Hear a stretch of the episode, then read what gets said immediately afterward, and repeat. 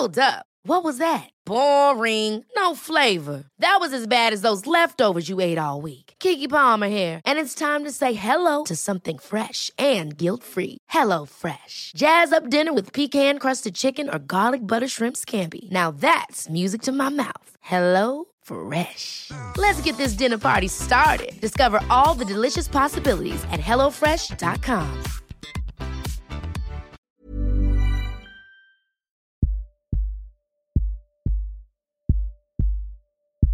Dat was s s'avonds. We lagen al op bed. Zij sliep al. Toen had ik zo een geneiging om gewoon eh, naar haar kast te lopen. Haar ondergoed open, open te trekken. Volgens mij was het of een slip of een string, weet ik niet meer. Dus eh, de, de volgende ochtend zei, zei ze, waarom staat de kast open? Ja, die had ik dicht gedaan. Ik dacht, oh shit, dacht ik bij mezelf. Die had ik dicht moeten doen. En eh, ja, toen, toen had ik het gevoel, joh, ze ziet dit 100% aan mij. Dat, dat ik een, eh, een, eh, een, eh, onderbroekje van aan heb. Mijn naam is Corine Kolen en dit is Schaduwliefde. Frederik, Hallo. wat leuk om je te zien. Ja, gezellig. Vrijdag is het. Vrijdag is Bijna het. weekend. Bijna weekend. Hey, luister eens. ehm, de afgelopen jaren, zo vijf à tien jaar, is ontzettend veel gebeurd op het gebied van eh, seksualiteit en gender. En dat is natuurlijk hartstikke goed dat, dat iedereen daar steeds meer bekend bij is. En wat, ik, wat mij dan ook opvalt, is dat er, behalve dat het een enorme vrijheid betekent, dat je zoveel keuzes kan maken, of Ja. keuzes, maar ja, het is maar net hoe je het, hoe je het wil definiëren. Ja. Maar dat het ook heel veel verwarring en onzekerheid met zich meebrengt. Klopt, klopt. Ik denk juist omdat het thema nu zo besproken wordt, zie je vooral bij de jongere generatie dat ze er heel erg mee bezig zijn. En dat al die keuzes soms natuurlijk ook wel wat verwarring kan opleveren. En natuurlijk ook omdat je ergens wil aansluiten soms. Of eh, in welk vakje of wa- waar hoor je dan precies. Maar ja, er, er, er wordt ontzettend veel over geschreven. Er wordt ontzettend veel over gedeeld. Wat op zich natuurlijk heel positief is. Heb jij daar veel mee te maken in je praktijk? Ja, ik heb een tijdje best wel veel samengewerkt met de UvA. En zij deden een groot project, het is alweer een aantal jaren geleden, waarin eh, er veel over transgender eh, vakken werden gegeven. En weet je, hoe werkt dat nou eigenlijk precies? En dan kwamen er internationale studenten naar de universiteit om daar veel meer over te leren. En dat waren vaak eh, mannen, vrouwen, transgenders die eigenlijk meer wilden leren over waar ze zelf in verzeild waren geraakt. En de UvA was volgens mij een van de eerste. En wat deed jij daar dan? Nou, ze, ze liepen eigenlijk allemaal vast eh, in acceptatie, in hoe communiceer ik, eh, hoe breng ik dit naar buiten, wie ben ik, wat is mijn identiteit, ga ik de hele operatie bijvoorbeeld doen of hou ik het bij eh, me kleden als man of als vrouw. Daar kan ik er nog een beetje mee spelen. Ik bedoel, een geslachtsverandering is natuurlijk ontzettend definitief. En dat is ook iets wat heel spannend is. Ja, en dat Wat- is ook het, per persoon verschillend, hè? Tuurlijk, ja. Is per Ik bedoel, hoe ver je wil gaan in die, in die transitie. Ja, ja precies, precies. Maar dan ben ik heel erg benieuwd wat jij straks van het verhaal van Sanne vindt. Nou, ik ben heel nieuwsgierig geworden. Zullen we gaan luisteren? Heel graag.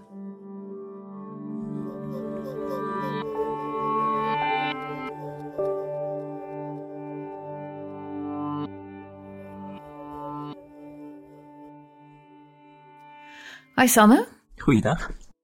hoe oud ben jij? Ik ben 31. Je bent 31. Ja. Kun je mij vertellen hoe je eruit ziet? Wat je aan hebt? Ik heb een legging aan. Ja? eh, een zwart topje. En natuurlijk een BH eronder. Ehm nou, dit is wat ik ben.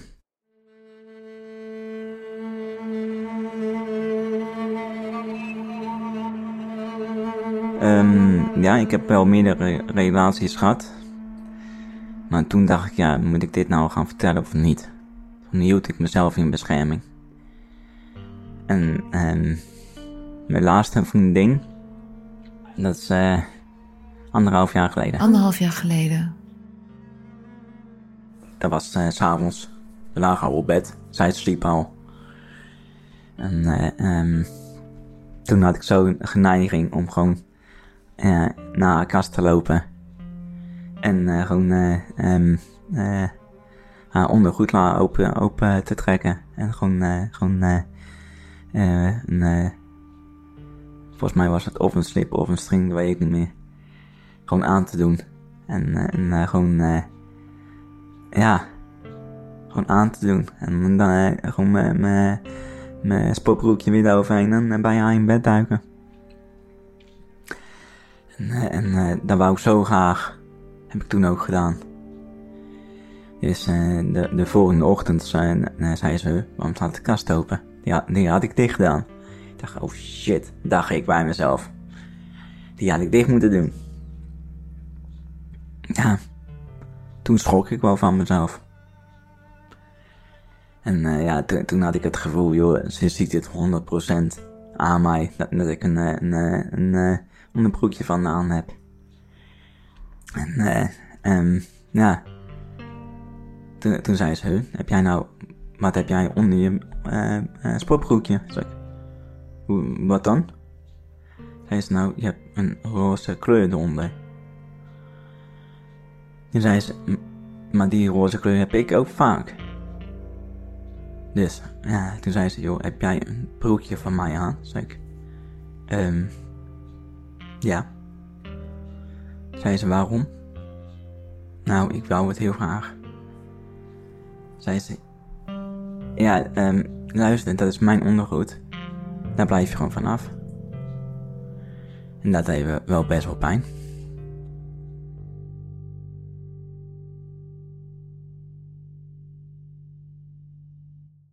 Ja, ik was een jaartje of zes, misschien zeven. Toen voelde ik al dat ik anders was. Dat ik niet echt een jonge jongen was. Want ik deed, eh, ik had veel meer vriendinnen dan vrienden. Ehm, nou, ik deed heel veel met, met eh, meiden. Ehm, nou, toen, toen begon steeds meer interesse te, eh, te tonen naar meisjeskleding. En toen ben ik, toen was ik een middag of een avond alleen thuis. En toen dacht ik, nou, dit is mijn kans. Nu kan ik het doen. Zo gezegd, zo gedaan. Ben ik eh, naar de kamer gelopen. Heb ik de eh, kast opengetrokken. Nu heb heb ik eh, bijna, eh, bij, bijna alles wel eh, aangehad. En gepast. Hoe het stond, hoe het zat. Toen dacht ik, ja, dit is eigenlijk wel... Kreeg ik het gevoel, hm, ja, dit is wel wat. Wat zag je? Een meisje. Ik zag mezelf als meisje. En dat eh, was op dat moment wel even... wow, ben ik dit? Zo, eh, verbazing. Dat ik, eh, hoe, hoe ik wil zijn. Hoe, hoe lang heeft die periode geduurd? Minimaal anderhalf jaar. En hoe lang was je dan in die kamer van die zus? Het kon zo eh, twee uur, misschien eh, wel langer zijn. En wat deed je daar dan precies? Gewoon, eh, gewoon uitkiezen wat ik aan wilde. Of of setjes maken. Van, joh, ik kan dit bij elkaar. Waar hield je van? Wat vond je mooi? Ik, eh, ik hou nog steeds van leggings, strakke broeken. Eh, gewoon mooie, mooie vrolijke kleuren. Zoiets. En wat gebeurde na die anderhalf jaar? Na ander, anderhalf jaar kreeg ik al wat meer problemen. Gewoon, want ik werd gepest. Werd je onzeker? Heel erg. Ik was heel erg onzeker. Ging je in die tijd nog gewoon door met dat elke dag naar de kamer gaan van je zus en daar setjes uitzoeken? Nee. Dat, dat ging op een gegeven moment ook eh, steeds minder worden. Omdat je het gevoel had misschien dat dat de oorzaak was van het feit dat je gepest werd. Ja. Wanneer had je die eerste relatie?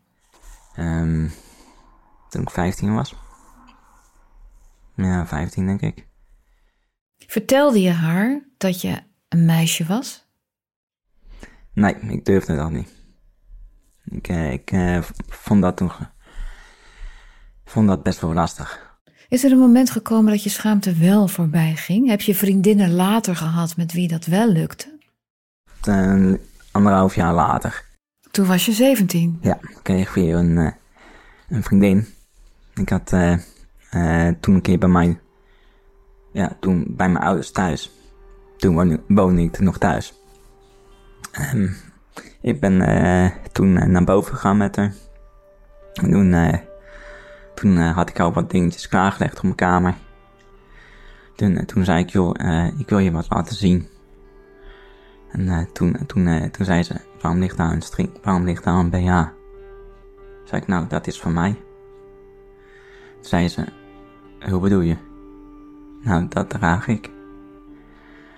Toen, zei, toen was ze ook wel natuurlijk verbaasd. En dat snap ik heel goed. En eh, toen, toen zei ik, joh, ik ben ook gewoon een vrouw. Oh, waarom? En toen dacht ik, ja, nou moet ik alles gaan vertellen. Echt letterlijk alles. Toen zei ik ook, joh, heb je even... Het duurt wel even een paar weken voordat ik het eh, goed verteld heb. En eh, toen zei ze, ja... Eigenlijk wil ik, wil ik het ook niet horen. En toen zag ik de tranen in haar ogen, maar ook in mijn ogen.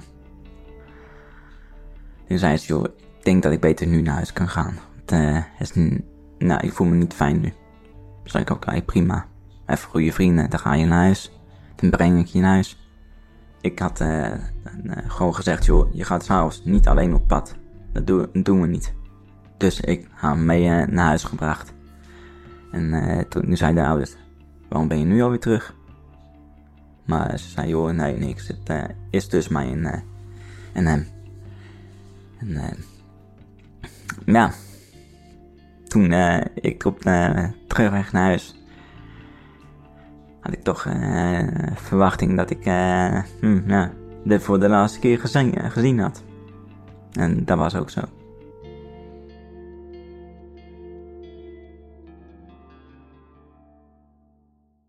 Heb je daarna een andere vriendin gekregen? Ehm, ja, ik heb wel meerdere relaties gehad. En ehm, mijn laatste vriendin, die, eh, die zag toen, eh, toen ook op een gegeven moment eh, gewoon BH's, eh hipster strings in mijn kast liggen. Toen, en toen dacht ze, van wie zijn die? Want we hebben het nu over die vrouw die, Ja. met wie je als laatste relatie had. Hoe lang hadden jullie toen al een relatie? Toen hadden we al eh, bijna 2,5 jaar eh, een relatie. Toen zei ze, oh, ik denk oh, dat ik weet wat je wil gaan vertellen. Toen zei ik, hoe bedoel je? Zijn ze van jou? Toen zei ik, ja, het is van mij. En toen zei ze, joh, had dit eerder gezegd. Dan, dan eh, joh, ik, ik, ik respecteer je in alles wat je doet. Nou, als, dit, als jij ook dit bent, dan ben jij dit ook. Maar ik vind het wel heel lastig dat, je, dat ik er zelf achter moet komen. Zei ik, ja, je bent een vrouw. Dus eigenlijk heb je ook een man, maar ook een vrouw. Zei ze, nou, daar maakt niks uit. Maar toch ging helaas de relatie stuk. Hoeveel, hoe lang daarna? Een halfjaartje later. Had je dan in die 2,5 jaar wel eens momenten dat je dacht van, nou, ik moet het nu vertellen? Ja, wij zaten toen op de, eh, op de, op de bank op een zaterdagavond, geloof ik. Dat weet ik niet meer. Ehm, toen, eh, toen, zei ze, eh, toen, toen stond een, een tv-programma op, op een bepaald zender. Ehm, waar toch een, een beetje over, over hij en zij eh, begon. Ik dacht, oké. En zien eh, hoe zij daarop reageert. Hij en zij? Ja, dat is een eh, programma dat eh, voor jongeren, of misschien net jongvolwassen, denk ik. die dan zeggen, joh, ik, ik ben eigenlijk meer een man of een vrouw, of andersom. Ehm, precies, op dat moment dat we dat keken, eh, was het een jongen die eigenlijk een vrouw was. Ik dacht, oh shit, dacht ik. Dat is eigenlijk mijn verhaal eigenlijk. Zo kwam, het over. Dus een beetje eh, begonnen we het te kijken. Zij zei, joh. Zei ze, ik herken wat. Zei, hoe bedoel je? Ja, in, je, in jou. In mij, hoe bedoel je in mij? Toen, toen, eh, zei ze, ja, eh, ja ik, ik weet niet, maar ik herken iets. Dus ook, oké, ik, eh, ik dacht, ik laat het even rusten. Toen uh, tweede weken later, kwam ik er toch wel, wel weer even een beetje op terug. Zei ik, joh, dat hadden we toen, uh, toen die avond toch gezien. Zei ze, ja, klopt. Maar wat wil je daarmee doen? Zei ik, nou, ja, hoe vond je dat programma? Dus zo het gesprek een beetje opengegooid. Toen zei ze, ja, uh, iedereen zijn eigen keus, maar die hoef ik niet in mijn, in mijn vriendenkring of uh, een relatie mee. dacht ik, oké, okay, mond houden nu, niks zeggen. Maar, er, er, er, was en blijft nog steeds een maar, had ik het godgloeiende gedaan. Dan had ik misschien wel onze re relatie kunnen redden. Denk je? Ja, ik denk het wel. Had ze misschien hier wel naast gezeten. Dat, uh, dat weet ik niet. Want? Dan, uh, dan hadden we misschien samen een huisje gehad. Maar waarom denk je dat? Oh. waarom ik dan denk. Zo, en het voelde op dat moment zo goed. Um, ja, ik, ik wou wel, wel verder met haar. Denk nog steeds, ooit was mijn, mijn geliefde. En dat is ze nou niet meer. Hoe lang gaat het denk je duren voordat jij dit wat je nu zegt uit kan dragen? Gewoon ten volle, zal ik maar zeggen. Hoeveel jaar heb je daar nog voor nodig? Minimaal twee jaar. En wat, wat, wat gebeurt er aan het eind van die twee jaar? Wat, wie ben je dan? Wie zien we dan? Dan ben ik echt uh, een vrouw. Ben ik Sanne. Um, en misschien wel uh, uh, wat, wat, wat, wat echt meer vrouwelijker. Is je baard er dan af? Ja, 100 procent. Wat voor effect zal dat op jou hebben, vermoed je, als dat zover is? Vrijheid. Echt grote letters vrijheid. En dat durven en uh, kunnen laten zien wie ik ben. Dat is het, denk ik. En die vrijheid voel je nu nooit? Ja, wel thuis voel ik me dan gewoon mezelf. Kan ik gewoon doen wat ik wil. Uh, bijvoorbeeld, uh, joh, uh, gordijnen zijn dicht, joh, dan kan ik doen wat ik wil.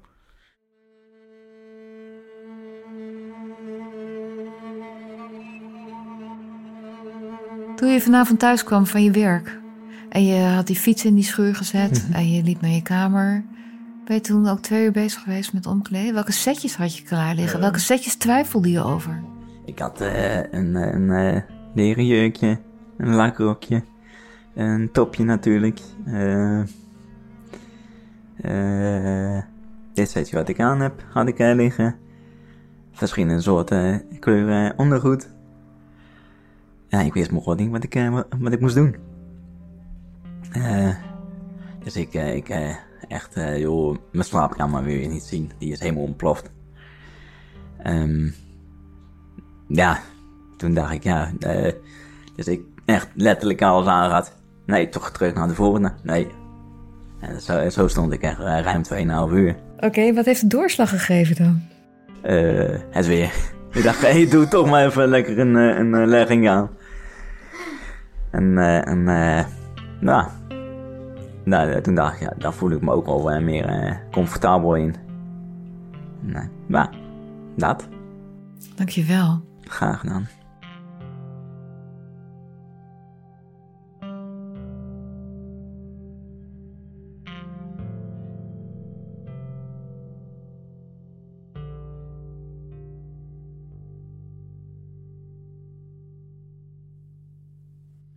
Frederik? Ja, Corine. Sanne is op zoek naar vrijheid in grote letters. Ja. Wat is er voor nodig om haar die vrijheid te geven? Ja, ze legt het eigenlijk heel uh, mooi uit dat ze kan zijn en durft te zijn wie ze eigenlijk is. En dat is dus ultieme vrijheid. Kunnen uitdragen, kunnen, je kunnen kleden zoals je wilt. Niet alleen achter gesloten gordijnen in je eigen huis, maar gewoon naar buiten kunnen en, en kunnen staan voor wie je wil zijn en wat je wil uitdragen. Maar dat kan nu nog niet. Wat moet er gebeuren om, om haar dat gevoel van vrijheid te kunnen geven, tot, zodat ze dat gevoel vanuit zichzelf voelt? Dit, dit is een heel proces en daar lijkt ze middenin te zitten. Ze heeft het zelf over nog twee jaar voordat ik helemaal, voordat die baard eraf kan, bij wijze van spreken, en, en dat ik helemaal daar ben. Dus ook in haar eigen hoofd, als ik over haar mag spreken, maar hè, ze, noemt zichzelf ook Sanne in deze podcast. In haar eigen hoofd is ze daar al in een soort tijdslijn mee bezig. Van hoeveel tijd heb ik nodig om stap voor stap me steeds meer mezelf te voelen. En vooral ook naar de buitenwereld uh, mijn eigen identiteit eigenlijk te laten zien. Ze wordt steeds keer op keer teleurgesteld door de mensen in haar omgeving. Ja, het, het is denk ik lastiger. Komt nu even zo intuïtief me op. Maar het is denk ik lastiger als je dit als geheim meeneemt in je relatie en dan uiteindelijk moet openklappen, dit geheim. Daar schrikken mensen toch van. Je merkt dat ook in de verhalen die ze vertelt. Dan dat je als vrouw meteen in transparantie in de relatie gaat. Want dan weet de ander waar die ja op zegt. Maar ja, je bent verliefd en je denkt, deze vrouw wil ik houden. Mhm. Dan ga ik niet meteen het achterste van mijn tong laten zien. Dan kan ik beter zorgen dat ze eerst ook van mij houdt en dan ga ik het pas vertellen. Ja, die snap ik ook heel erg goed. Ik begrijp ook de, de reden waarom je dit geheim houdt. Zeker als je al van jongs af aan die afwijzing voelt. En ook dus het gevoel hebt dat je anders bent. Dat je gevaar voor afwijzing eigenlijk iedere dag op de loer ligt. En in de liefde al helemaal. En hij maakt dat, of zij maakt dat eigenlijk op jonge leeftijd al mee. Ja, heeft ze gewoon pech gehad met, met haar partnerkeuze? Of is dit. Ik denk in dit proces dat dat erbij hoort. Ik denk dat je niet wegkomt met geen afwijzing. Dit, dit, dit is zo'n kwetsbaar onderwerp voor veel mensen, zoals je hoort. Mensen schrikken ervan, denken: oh god, wat, wat betekent dit voor onze relatie? Wat betekent dit voor mezelf? Wat betekent dit voor de ander? Met wie ben ik eigenlijk? Tegen wie heb ik ja gezegd op de liefde? ja, dat, dit, dat is een, een gevoelig punt. Ik kan me ook wel heel goed voorstellen inderdaad dat hij het geheim, dat ze, dat ze het geheim houdt. Want het is natuurlijk ook een keuze. Kijk, je kan wel alles, alles vertellen over jezelf, maar ze heeft intussen ook in de gaten dat dat inderdaad op heel veel weerstand stuit. Kies je dan voor openheid? Of kies je, want als je voor openheid kiest, kies je dus ook voor een soort van eenzaamheid. Of, of... Nou, dat hoeft denk ik niet. De start van de relatie is hier ontzettend belangrijk. En wat ze nu in eerste instantie heeft geprobeerd, is dit achterwege houden. Omdat ze al heel snel leert van jongs af aan dat dit een kant is van, van haar. Wat niet zomaar geaccepteerd wordt. Gepest wordt ze, de eerste relatie valt uit elkaar. Iedere keer als ze een risico neemt om een stukje van zichzelf te laten zien, wordt ze afgewezen. Dus de conditionering in eh, vooral niet mezelf helemaal laten zien, die begrijp ik heel erg goed.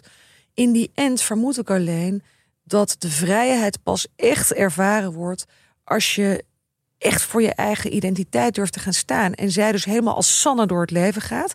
En als je dan een partner ontmoet, dan ben jij in alle vrijheid al wie je bent. En hoef je dat geheim dus niet meer eh, bij je te dragen. En dan weet die ander dus ook, komt niet voor verrassingen te staan. En, en dan zegt de ander ja tegen jou voor de persoon die je ook uitdraagt te zijn. Ja, dat snap ik. Maar Sanne heeft ook werk en ook daar is ze nog steeds een man. Sanne heeft ook familie en ook daar is ze nog steeds een man. Ja, dus Hoe daar, begin je dan? Wat, wat doe je? Stap voor stap. Professionele hulp. Kijk of je aan kan sluiten bij verschillende verenigingen. Er zijn allerlei platforms en communities waar je met eh, gelijkgestemden kan praten. Mensen die dit ook meemaken. Dat helpt enorm om, in groepsverband de kwetsbaarheden te delen, je verhaal te kunnen doen, te kunnen luisteren naar anderen. He, gewoon eens te horen hoe andere mensen het gedaan hebben. Maar dit is natuurlijk gewoon een proces, step by step. En het is iedere keer als jij dit verhaal uh, in de openheid brengt, is het een risico. Is het spannend? Of het op je werk is, bij je familie, goede vrienden. Blijven mensen bij me? Accepteren mensen mij helemaal voor wie ik ben? Mijn mannelijke energie en ook de vrouwelijke energie, die steeds groter wil worden. Want dat is eigenlijk wat ik hoor dat het vrouwelijke stuk steeds meer aanwezig mag zijn. Wat zou jij haar aanraden, behalve dan die, die, die platforms opzoeken, zodat je gewoon eigenlijk, eigenlijk eh, met lotgenoten spreekt? Of met, met lotgenoten of lotgenoten. Ja, lotgenoten. Het is niet alsof het een ziekte is, maar het is het, het, het, het hetzelfde als je bijvoorbeeld uh, op jonge leeftijd erachter komt dat je homoseksueel bent of biseksueel bent en je spreekt iemand die dat ook heeft, is dat fijn. Dan, dan voel je een verbinding en denk je, hé, hey, ik ben niet de enige die dit overkomt. En ja, dan kun je met elkaar delen wat, wat de uitdagingen zijn. Ik zou, als ik Sanne was, uh, therapie, echt gerichte therapie zoeken uh, bij een therapeut die, die kan helpen bij de transitie van het mannelijke naar het vrouwelijke in dit geval. En uh, ja, die daar een hele goede guideline voor kan geven. Wat is verstandig om te doen? Dat is natuurlijk ook weer voor ieder persoon misschien net een beetje anders. Maar heel erg kijken naar Sanne, haar leven, haar verlangens, naar haar communicatie. En haar iedere keer helpen om zichzelf een stukje meer bloot te stellen aan situaties die spannend zijn. Het is toch een stukje exposure therapie. Durf ik vandaag in de mooie kleding, of vind ik heel leuk, want Sanne is blijkbaar heel creatief. Dus die vindt het ontzettend leuk om echt na te denken over wat ze aantrekt. En, de setjes liggen klaar. Ik hou ervan, hartstikke leuk. Dus maar om steeds meer risico te durven nemen. Van ik ga het aantrekken en ik ga naar buiten. Ik ga boodschappen doen. Ik ga naar een feestje of ik ga, ik ga een wandeling maken. Of ik ga naar mijn, een van mijn beste vrienden of vriendinnen waar ik me thuis voel. En ik ga, ga kijken hoe ik me voel als ik uit mijn schulp kom. Want dat huis van Sanne blijkt haar veilige kokon te zijn. Een soort vesting. Ja, en dat is gewoon een, een, een, identiteitsverandering die plaatsvindt. Gordijnen dicht is het Sanne, gordijnen open, we stappen naar buiten. En dan komt de mannelijke variant naar buiten. Dus dat is best wel, uh, ja, intens kan ik me voorstellen. Heel intens. Het is een verandering. In zekere zin is, ik vind het ook een verdrietig verhaal. Ook, ja. van, van iemand die, die dus niet zichzelf durft te zijn. Maar zie jij ook optimisme in het verhaal van Sanne? Ik zie wel optimisme, ja. Ik, ik, ik wens het ook heel erg voor haar. Ik, ik voel ook wel dat het een heel traag proces is geweest bij Sanne. Als ik met haar meeluister, denk ik, ja, eigenlijk heeft ze altijd geweten van jongs af aan, hè, zes, zeven jaar, maar soms is dat iets wat al veel eerder nog plaats kan vinden. Dat ze meer naar het vrouwelijke gericht is. Meer vriendinnen gericht naar de vrouwelijke kleren. Ze komt daar langzaam achter dat ze eigenlijk veel meer nou, naar het meisjesstuk zou willen. en en het, is natuurlijk ontzettend belangrijk of je de juiste hulp krijgt, of je gezien wordt in de, in de struggles die je hebt, of je in een relatie, een vriendinnetje wat je hebt, of iemand je kan omarmen, of dat je wordt afgewezen. Dus in dat hele verhaal, in dat hele proces, is iedere ervaring draagt bij aan waar Sander nu is.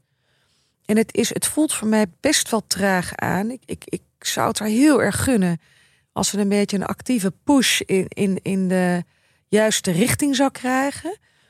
Uh, waardoor het iets meer kan versnellen, zodat ze die, die vrijheid ja, wat sneller zou kunnen bereiken. Want anders zit ze over tien jaar misschien nog achter de, achter de gordijnen. Uh, en dan is het echt een eenzaam proces. Ik sprak een tijdje geleden een, een man die inderdaad eigenlijk ook net als Sanne al bij de, in de kledingkast had van zijn zusje. En die, die man was 65 en die durfde nu pas, daar, nadat zijn moeder was overleden, durfde hij pas naar buiten te komen hmm. hiermee. Ja, dat is, het is een gigantisch geheim op mensen. En heel veel schaamte zit er vaak op. Veel angst. Want die afwijzing, die, die komt. Ik denk dat geen enkele uh, transseksueel of transgender uh, helemaal helemaal vrij blijft van afwijzing. He, daar zit nog steeds veel lading op. Het is nog steeds iets wat soms moeilijk geaccepteerd wordt. En voor familie en ook bijvoorbeeld in een, in een liefdesrelatie, ja, kan dat wel echt even schikken zijn. Ik kan Hoe het me ook voorstellen. hoe wapen je je daartegen? Hoe wapent Sanne zich tegen, tegen die vijandigheid? Nou, het hoeft niet altijd vijandigheid te zijn. Het kan ook onzekerheid aan de andere kant zijn. Net zoals hij vertelt het heel mooi, hè, hoe, hoe dat meisje, ik denk 15 jaar, in één keer geconfronteerd wordt, nog, nog jong is, eigenlijk niet weet hoe ze moet reageren, schrikt, is eigenlijk in paniek. Ik wil naar huis. Ja, en dan verliezen ze elkaar. He, maar als ze daar hulp bij hadden gekregen, was de relatie misschien alsnog uit elkaar gevallen. Maar dan had het ook een hele mooie heling kunnen zijn, waarin iedereen vanuit compassie naar elkaar kan kijken. Waarin Sanne zou kunnen begrijpen dat iemand schrikt. En dat ook snapt en daar een stukje compassie voor op kan brengen. En dat de ander ook compassie kan hebben voor Sanne. Hoe moeilijk het is en hoe dapper het is om dit eigenlijk te vertellen. Hoe, hoe kwetsbaar het is om openheid te geven over iets ja, waarvan je in dat moment weet dat je kan kwijtraken wat je lief hebt. Het is een hele kwetsbare plek. Dus als je beide partijen kan helpen om vanuit die compassie en voorzichtigheid eigenlijk met elkaar om te gaan en steeds meer begrip te krijgen voor elkaars posities, dan blijf je goed in verbinding. Ja, ze verlangt ook heel erg naar die verbinding. Ja. Ja, wat ik terughoor in haar verhaal is dat eigenlijk de, de eind. De, de, ze, ze, vertelt dan uiteindelijk dat ze een relatie heeft waarin deze vrouw zegt: Als dit ook een deel van jou is, dan accepteer ik dat. En uiteindelijk loopt die relatie na een half jaar toch op de klippen. Wat een enorme teleurstelling is, zo te horen. En een groot verdriet is voor Sanne. Want ze wel laat merken dat dat toch haar grote liefde tot nu toe was. In ieder geval dat zo hoor ik dat. Ik weet niet hoe, of jij dat ook zo gehoord hebt, maar... Ja, ze wilde met haar een huis. Ja, ja echt. Misschien echt, wel naast me gezeten. Ja, dus dat vertrouwen. Weet je, ze had dat vertrouwen dus in eerste instantie dat dit misschien een vrouw zou zijn die haar helemaal zou kunnen accepteren en omarmen zoals ze is. En dan, dan glipt dat toch door haar vingers heen. Denk je dat Sanne zich pas zal zichzelf pas zal accepteren als ze iemand of anderen gevonden heeft die haar accepteren? Of kan ze dat vanuit haar eigen acceptatie in orde krijgen? Ja, dat kan allebei. Weet je, we willen natuurlijk idealitair dat, dat er zelfacceptatie van binnenuit begint. Daar is ze wel al mee bezig. Van kan ik mezelf helemaal accepteren als ik ben wie ik ben? Ik heb het gevoel dat ze dat best wel kan, maar dat ze voornamelijk angst heeft voor de buitenwereld, voor het oordeel. En dan kan het soms helpen om um, ja, de juiste persoon tegen te komen. Die echt naar jou kijkt als persoon. En die valt op jouw spirit, op, op wie je bent. Hè, en waarin dit uh, transgender stuk of transseksueel stuk, ik, dat is me niet helemaal duidelijk bij Sanne, maar uh, dat het er mag zijn, dat het oké is. Dat de liefde daardoor niet afbrokkelt, dat, hè, dat iemand bij je blijft. Ja, dat kan soms heel erg helpen dat je net de juiste persoon tegenkomt. En dat daar ook haar zelfvertrouwen een enorme boost mee krijgt. Laat het hopen. Ik hoop het enorm voor Sanne. En ik vind het ongelooflijk uh, mooi dat ze dit verhaal hier verteld heeft. Echt een, uh, ja, dit raakte me echt, dit verhaal. Ja, mij ook. Mij ook. We zijn er, we zijn er naartoe gegaan, naar haar. Mm -hmm. Ik vond het fijn als we bij haar thuis kwamen. Ja, tuurlijk, want dat is die veilige kokon. Dus ik snap het ook zo goed. En dit is ook het gevaar voor Sanne dat ze te veel in haar veilige kokon blijft, waardoor die buitenwereld, een grote boze buitenwereld, waar de afwijzing leeft. Dus ze zal zichzelf een klein beetje meer met kleine stapjes bloot mogen gaan stellen aan ja, de, situaties, kleine stapjes, maar waar ze zichzelf echt durft te laten zien. Ook buiten haar huis. Dat is de allerbelangrijkste stap die ze mag nemen. Stap voor stap, klein beetje. Onder leiding van iemand. Ja, die haar en daar kan steunen en kan zeggen: wat, wat zullen we deze week gaan doen aan een klein stukje meer uh, risico? Het kan ook bij, bij een, een van, van haar beste vriendinnen zijn. en dan ga je daar naartoe, je kleed je mooi aan, mooi setje. ik zie dat helemaal voor me bij Sanne, hoe ze dan fantastisch mooi gekleed uh, naar die persoon gaat. En, en van de deur van haar huis naar haar vriendin gaat en weer terug. En daar een leuke avond heeft. En misschien kan die vriendin haar terugbrengen. Als dat veilig kan voelen bijvoorbeeld. Weet je, zo kun je een klein beetje spelen met wat, ja, wat te doen is. Ja, een klein stapje per keer zou ik zeggen. Dankjewel. Alsjeblieft. Dankjewel voor het luisteren. Wil je reageren of heb je zelf een mooi verhaal? Heel graag. Mail ons dan naar schaduwliefdepodcast.gmail.com. En adverteren kan natuurlijk ook in onze podcast. Stuur voor meer informatie even een mailtje naar adverteren.beanmedia.nl. Deze podcast werd gemaakt door Corine Kolen en Frederike Bikker. De redactie en productie is in handen van Sien Bonen Montage is van Rosa van Toledo. Eindmontage is van Jeroen Sturing.